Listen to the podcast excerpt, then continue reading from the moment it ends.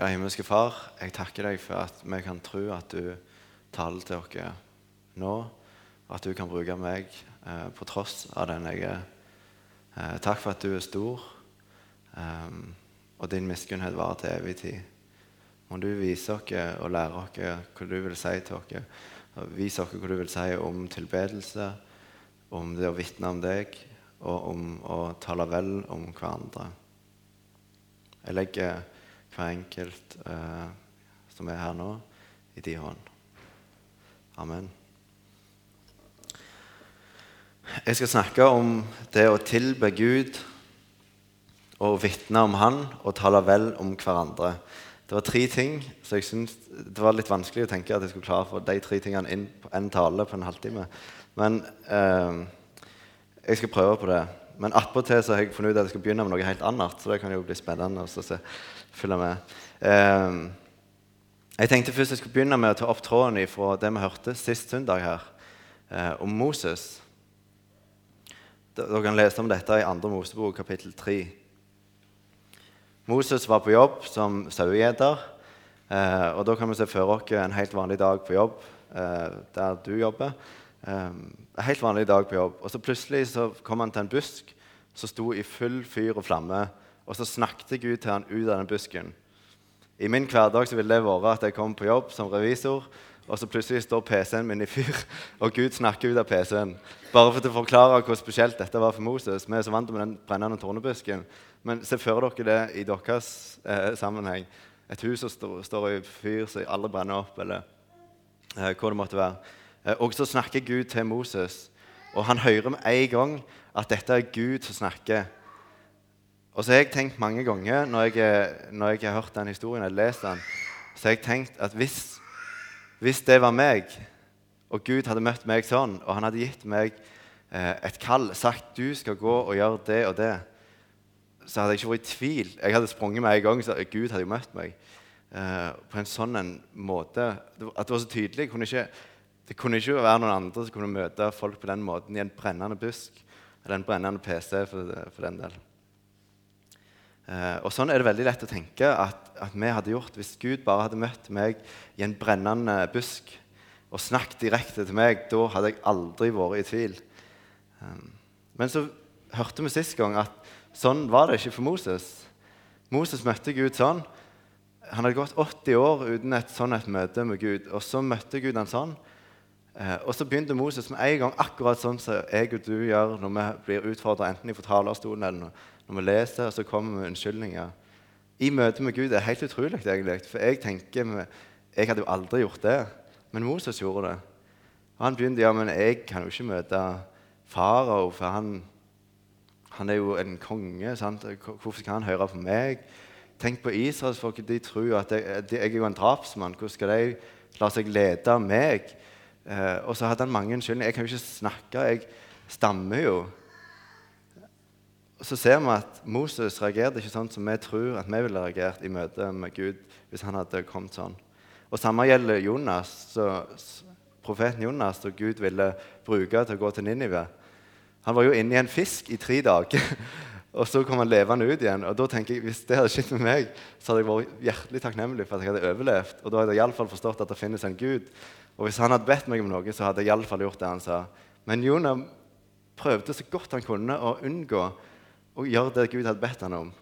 Vi er mennesker, og vi kommer ikke vekk fra det. Det er ganske plagsomt, men det viser at eh, ja, det er ikke alltid at hvis Gud hadde møtt dere på en sånn helt ekstraordinær måte, at det hadde forandret seg veldig mye på hvordan vi eh, responderer på det Gud vil ha oss til å gjøre.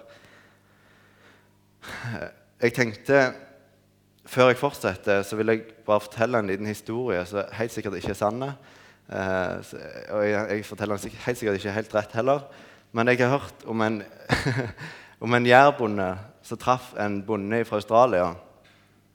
Og Så ble de sittende og snakke om, eh, om hva de drev på med og jobbet med. Sånn. Han Jærbonden snakket om at han hadde en liten gård der han hadde noen sauer. Og I tillegg så jobbet han utenom. Han hadde full stilling utenom. Og denne eh, Australieren ble veldig spent på hvor mange sauer jærbonden kunne ha. da siden han hadde full jobb utenom. For det syntes han hørtes veldig mye ut. Så sa han at han hadde 50 sauer. Og da ble han her australieren helt målløs. i respekt for denne jærbonden som klarte å ha 50 sauer og i tillegg full jobb. Så han ble helt sånn, og jærbonden ble jo litt sånn Ja, ja, jo, det går greit. Jeg klarer det, liksom. Ja, sånn. Og så spurte jærbonden da han australieren hva han drev på med. Jo, han hadde sauer, han òg. Men han hadde bare 25, og han hadde ikke jobb utenom. Så han ble litt sånn, unnskyldte seg litt. Og så drev de og snakket litt sammen. Og så viste det seg at jærbonden han hadde 50 sauer. Men han australieren han hadde 25 000. Så han tenkte at jærbonden snakket om 50 000 sauer. Så følte jo han jeg er jo bare halvparten av det du har. Men han hadde jo faktisk ganske mange flere sauer. Eh, og målet mitt med den historien er å få fram eh, hvor viktig det er å se ting i rett perspektiv. For det er vi ikke alltid veldig gode til. Eh, det er iallfall ikke jeg, og da tror jeg at det er andre som er i samme stilling som meg. Jeg skal snakke litt om Guds storhet, og det tror jeg aldri vi kan snakke nok om. Um, og det er et veldig godt, eller det er liksom grunnlaget for de tre verdiene som vi skal snakke om. Og Så skal jeg lese noe som Jesus sier i Matteus 10, fra vers 27 til 33. Det jeg sier dere i mørket, tal det i lyset. Det som dere får hvisket i øret, forkynn det fra hustakene. Frykt ikke for dem som dreper legemet, men ikke kan drepe sjelen. Frykt heller for han som kan ødelegge både sjel og legeme i helvete. Selges ikke to spurver for én skilling? Men uten deres far faller ikke én av dem til jorden. Men endog hårene dere har på hodet, er talt alle sammen. Frykt derfor ikke. Dere er mer verd enn mange spurver. Derfor, vær den som bekjenner meg for menneskene, han skal også jeg kjennes ved for min far i himmelen. Men den som fornekter meg for menneskene, ham skal jeg også fornekte for min far i himmelen. Det er ganske harde ord på en måte Jesus kommer med her. Det kan iallfall høres sånn ut. Han, sier til oss at vi, ikke, vi trenger ikke være redde for de som kun kan drepe sjel, eller legemet vårt. Kun kan ta livet vårt. Det høres jo veldig dramatisk ut i utgangspunktet. Vi ikke, eller når folk tar livet av noen andre. Og det er jo det. Men han sier at det er ingenting i forhold til han som har makt til å sende folk både til himmelen og til helvete. Som han som har skapt dere og har dere i sin hånd. Eh, han burde vi heller frykte eh, og ha respekt for. Men så sier han etterpå.: Men frykt derfor ikke. Dere er mer verdt enn mange spurver. Og så sier han at han telt hårene, hvert hår vi har på hodet. Og så kan du tenke i forhold til det som jeg begynte med med Moses, som jeg har hørt litt om sist gang. Hvis Moses hadde brukt eh, dette som Jesus sier her, så hadde han gjerne måttet tenkt seg om på nytt gjennom de unnskyldningene han kom med. Og for til forklare enda mer hva jeg mener med dette her for, Jeg syns det er veldig greit med litt sånne eksempler. Eh, kan bli litt barnslig, men det kan være greit å huske. Eh, så kan vi tenke, se for oss en legomann. jeg har vært oppe og stjålet av ungene oppe. Jeg håper ikke de blir sure på meg. Men se for dere eh, Moses, hvis vi setter han på sida av meg her. jeg vet ikke om dere klarer å se Moses. Eh, men bare for, for, for forholdet her. Og, og, ikke misforstå dette, men se for dere meg som Gud og han, dette er Moses. Og så møter Gud Moses og ber han om å gå og lede folket sitt ut av Egypt. Og så nøler Moses og så sier han, ja, men tenk, jeg må møte farao. Det er jo kjempeskummelt. Hvordan skal jeg klare det? Og så står Gud her og ser veldig tydelig forskjellen. Altså, Dette er farao, dette er Gud. Hvem er det han burde bekymre seg for? Eller hvis Gud sier han er med Moses, hvorfor skal han bekymre seg for farao? Dårlig argument. Neste argument. Ja, men israelsfolket Det er jo mange. Men det, mange, det skal ganske mange sånne for til å bli like store som meg. og Gud er enda større i forholdet. Så det er jo et dårlig argument. Og så snakket han om at jeg stammer jo. Hvem er det som har skapt Moses? Det er bare halsen, eller jeg vet ikke hva det er som gjør at du stammer, men sant, området rundt her. Og det er iallfall lite i forhold til Gud. Det er kanskje en merkelig måte å, få det fram på, men det er bare for å forklare Hvis vi ser ting i perspektiv av unnskyldninger eller ting vi kommer med når Gud vil ha oss til å gjøre noe, så blir det veldig lite i forhold til Han. Men hvis vi kun ser hvis jeg hadde bygd et lite hus her og en liten legobil, og litt sånn, og de kun ser hverandre og ikke ser meg, liksom, så blir plutselig han ganske stor i forhold til han. Iallfall hvis han er tre-fire stykk mot han. Men da ser du ikke ting i et perspektiv. Og sånn er det vi trenger å hele veien tenke som kristne og se ting i rett perspektiv. Eh, for en allmektig Gud er noe helt annet. Eh, det er noe som ikke kan sammenlignes med noen ting av det andre som vi eh, innbefatter oss med her på jorda. Og jeg Ja. Jeg tror det er veldig viktig å huske på det. Det er iallfall det for meg. Jeg trenger å bli minnet på det. I revisjonsbransjen dette, Nå tenker dere at nei, skal begynne å snakke om revisjon. Men der snakker vi veldig mye om uh, hva som er vesentlig og ikke. Det er ikke vits å bruke mange dager på, på noen sånn småfeil som ikke er vesentlig for hele bedriften sitt regnskap i sin helhet. Og Samme er det med oss som kristne. Vi bør ikke bruke tid på å bekymre oss for ting eller, som er uvesentlige i den store sammenhengen. Og det er svært lite som er vesentlig, eller ingenting, faktisk, som ikke Gud syns er viktig. Eller Gud er den mest vesentlige tingen som fins. Um, og hvis det er andre ting som er viktige, så er det pga. at Gud òg uh, syns at det er viktig. Uh, jeg skal snakke litt om tilbedelse.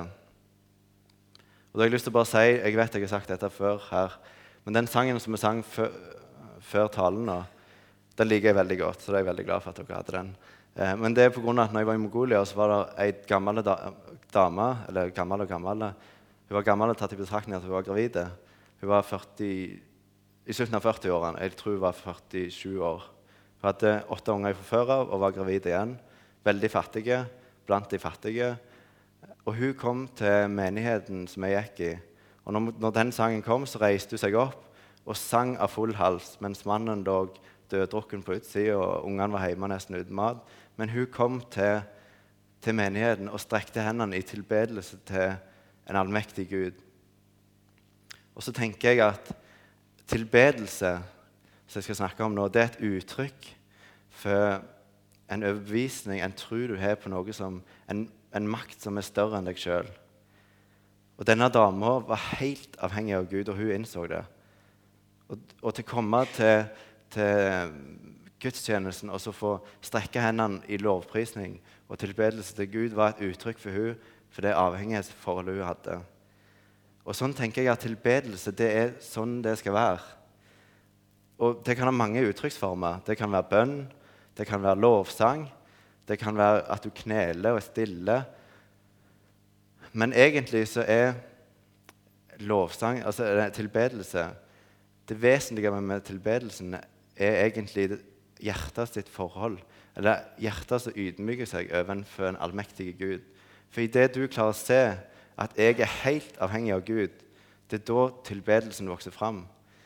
Hvis du ser for deg eh, at bønn er tilbedelse, er det et poeng i å be til en Gud som du ikke tror at er allmektig. Vi kommer fram for Gud eh, og ber til han pga. at vi vet at han er stor. Jeg er sånn, og Gud er stor. Og jeg kan ingenting uten han. Så når vi ber til Gud, så, så er det faktisk som å komme fram for en som har all makt i himmel og på jord. Og jeg vet jo at jeg er um, umulig mange ganger i møte med Gud. Akkurat som Moses. Selv om Moses visste at Gud er stor, så kom han med unnskyldninger. Og Likevel så får møte Gud Moses med nåde og sier ok, du skal få med deg Aron. Og Han legger ting til rette, for han elsker Moses. Og Samme er det med oss. Og Tilbedelsen er en respons når vi ser det forholdet der. En allmektig Gud som er hellig, møter meg som går på å smelle dag etter dag. Og så møter han meg med nåde, og så sender han meg allikevel. Og så kan jeg komme til han i bønn. Og så er tilbedelsen en respons på det. Så det kan vi òg tenke på når vi ber under møtet, når vi synger, og når vi kommer hjem og legger fram, for, eh, fram ting for Gud. Så kan vi tenke litt på det forholdet. Lille meg får komme fram for en Gud som har all makt. Um, og så er det en ting til. Når vi planla dette møtet, så snakket vi litt eh, Arnt Ove, det var meg, og så sier Oddvar at det som er med oss kristne, at det er kun én ting som går av seg sjøl, og det er fordervelsen. Og det er veldig sann, sanne ting som ikke er veldig kjekke å høre. Men jeg tror vi vet om det, alle, alle mann, at det er ingenting som går så fort automatisk som det der å bli drogen vekk ifra troen på Gud. Og det å venne seg til Gud hver dag i, i tilbedelse, enten i bønn eller hva det måtte være, så viser vi oss sjøl, Gud og de som er rundt oss, og ikke minst fienden vår, djevelen, at vi hører til Gud. Og samme hva vi sjøl må komme med tanker, og vi føler oss ikke gode nok, og, og hva djevelen måtte komme med av angrep, så vender vi oss til Gud.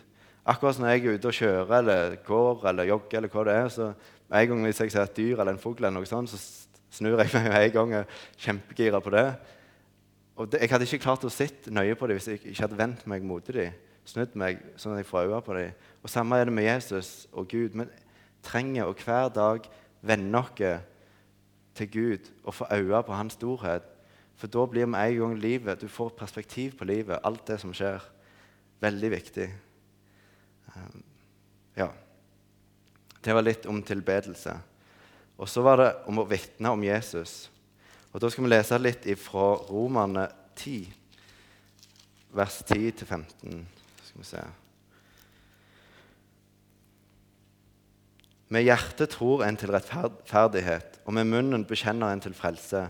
For Skriften sier, 'Hver den som tror på ham, skal ikke bli til skamme.' Her er det ikke forskjell på jøde og greker. Alle har de samme Herre, som er rik nok for alle som påkaller Han. For hver den som påkaller Herrens navn, skal bli frelst. Men hvordan kan de påkalle en som de ikke har kommet til tro på? Og hvordan kan de tro på en som, om, som de ikke har hørt om? Og hvordan kan de få høre uten at det er noen som forkynner? Eh, og så vers 15. Og hvordan kan de forkynne uten at de blir utsendt? Som skrevet står, hvor fagre er deres føtter som bringer fred, som bringer et godt budskap. Hvor fagre er deres føtter som bringer fred, som bringer et godt budskap. Det finnes ikke et bedre budskap enn det budskapet som vi får høre her. Eh, eller enten vi leser Bibelen eller evangeliet om Jesus. At Gud, den allmektige Gud sin egen sønn, ga sitt liv for at du og meg skulle få muligheten til å tilbringe evigheten hjemme hos Han i herlighet, en herlighet som vi ikke kan se for oss. Og at det gjelder hver den som tror på Han og tar imot Han. Det finnes ikke et bedre budskap enn det. Og vi kan tenke at Hvis vi får beskjed om eh, jeg vet sånn så Hjemme nå når vi er liten, så er det veldig kjekt med tilbud på ting til unger. og sånn. Og så hvis søster til Line får snudd i et, et, tilbud, så sier hun til Line du må gå og sjekke ut der, for der er et tilbud. Sånn, det er sånn passelig godt, til, godt budskap. Så fører deg noe som ikke kan måle seg. Eh, finnes det en god grunn for å holde tett om det i møte med de som ikke har fått øye på det tilbudet eller det gode budskapet?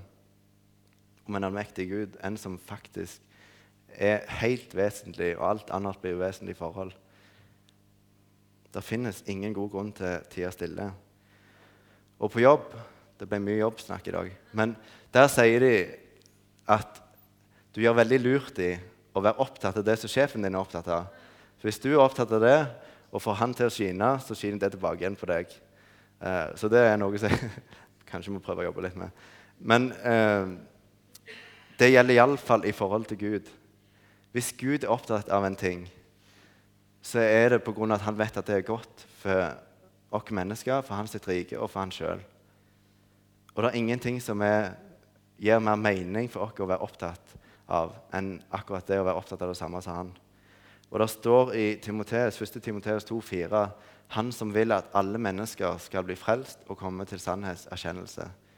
Så Gud ønsker at alle mennesker skal bli frelst og forstå og erkjenne at han er Gud og kunne tilbe Han. Eh, og Dermed så bør vi òg rett og slett være opptatt av det. At de som er rundt dere, enten på jobb familie, venner Uansett hvor det måtte være, så må det være et vårt mål at alle som vi kjenner, eller flest mulig, skal få del i det evangeliet. Og det bør være vårt hovedmål eh, i livet, at vi kan få dele litt av den, det gode budskapet som vi har fått hørt. Ja. Eh, punkt nummer tre som jeg skulle snakke om, det var å tale vel om hverandre. Og det er en ting som vi kanskje snakker mye om. Kanskje ikke, jeg vet ikke, eller tenker mye på. Men, men, det er en veldig viktig ting. For Det var snakk om det med de første kristne, at de ble kjent uh, for det at de snakket, at de var så gode mot hverandre. Og det å være gode mot hverandre det begynner mange ganger med snakket. Og det å se hverandre ikke for den, de problemene uh, som måtte være der. Vi var i bryllup i går, og uh, der sa presten at et, en viktig ting i et ekteskap var å ikke ha hverandre på EU-kontroll hele veien. At du liksom var ute etter feilene. Eh, og, og, det samme gjelder i forhold til hverandre, ikke minst i en menighet. At du ikke er på utkikk etter sånn uh, Du har hverandre på EU-kontroll. hvis du ser for deg at Gud elsker deg Han har lagt, skapt deg i sitt bilde. Han har telt hvert hår på ditt hode. Han har gitt sitt liv i døden for deg, eh, og han har tenkt å bære deg helt hjem til himmelen. Han har lyst til å lokke deg hvis du er på vei vekk. Han, er, han, han gir alt for deg. Hvis det gjelder deg, så gjelder det òg alle andre. Og Hvis vi tenker at de som jeg nå har tenkt å si noe dumt om, eller han som jeg har tenkt å si noe dumt om, det er en person som er høyt elsket av Gud. Eh, og Hvis jeg da skal komme fram for Gud etterpå og har sagt noe dumt om en som er så høyt elsket av Gud, kan jeg da med frimodighet komme fram og ikke nevne det for Gud og be om unnskyldning for at jeg har snakket stygt om et av hans sine høyt elska barn? Det er kanskje en ny måte å tenke på, eller det var en vekker for meg når jeg tenkte på det på den måten. Um, og spesielt vi som er kristne. Der står om du så bare gir et glass vann til en disippel fordi han er en disippel, så skal Gud huske på det. Og alt det dere gjør mot en av disse mine minste, det gjør dere òg mot meg. Og det, ja, det er veldig godt å huske på. Vi trenger å bli minnet på det at det vi sier, det er ikke helt likegyldig hvordan vi snakker om hverandre. Eh, og det gjelder innad i familien, eh, ektefelle, unger, andre som du går i bibelgrupper med, jobber med. Uansett, det er ikke helt likegyldig, for, for det er makt i ordene det blir fort at du går og spinner på det, og så bygger det på seg, og så hører andre det, og så ja, det er sant, hun, hun er egentlig litt sånn. Han er egentlig litt sånn. og ja, tror du egentlig de gjør det pga. sånn og sånn? Og så bygger det på seg. Vi vet hvordan det er. Eh, og, og, Bibelen er veldig opptatt av det. Jeg tenkte jeg skulle lese fra Jakobs brev, kapittel 3, vers 8 til og med vers 10. Men tungen kan ikke noe menneske temme. Den er et ustyrlig onde, full av dødelig gift. Med den velsigner vi vår Herre og Faderen, og med den forbanner vi menneskene som er skapt etter Guds bilde. Av samme munn går det ut velsignelse og forbannelse. Mine brødre, det må ikke være slik. Av samme munn går det ut velsignelse og forbannelse. Mine brødre, det må, må, ikke være slik. Det er ganske sånn ha, eh, tydelig beskjed. Ikke, ikke vær sånn at dere bruker munnen i ene øyeblikket til å tilbe Gud, andre øyeblikket til å snakke drit om noen av hans sine barn. Det er en tydelig beskjed som jeg tror vi trenger å tenke over. Og Nå er jeg egentlig ferdig med de tre punktene, men jeg har lyst til å bare oppsummere nå litt på slutten uh, igjen det som jeg begynte med. Sammenhengen mellom de tre punktene. Og egentlig alle andre sånne verdipunkter som vi snakker om. Det begynner med, De er viktige pga. Uh, at Gud syns de er viktige. Vi må se dem fra hans synsvinkel.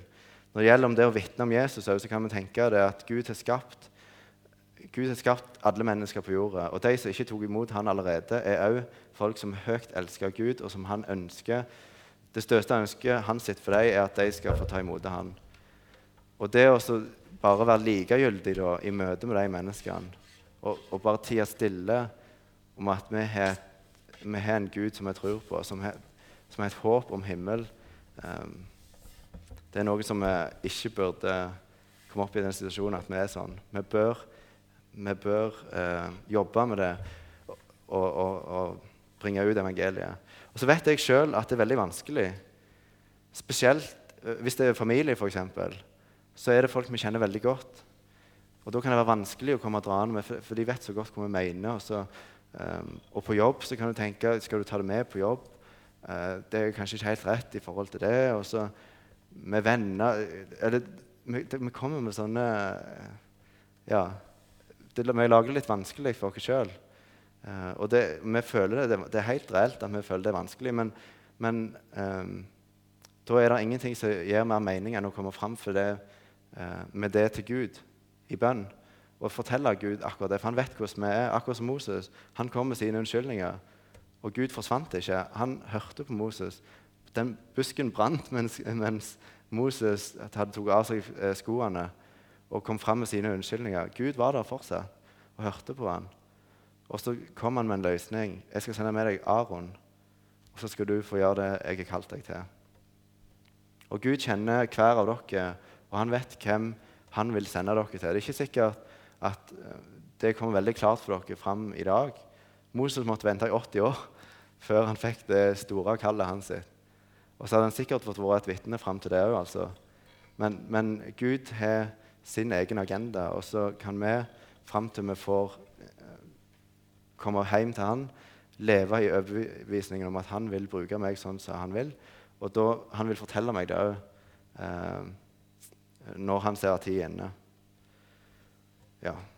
Så helt på slutten her så har jeg bare Eller nesten på slutten så har jeg et, et lite sitat fra mor Teresa, som egentlig er en del av et langt dikt.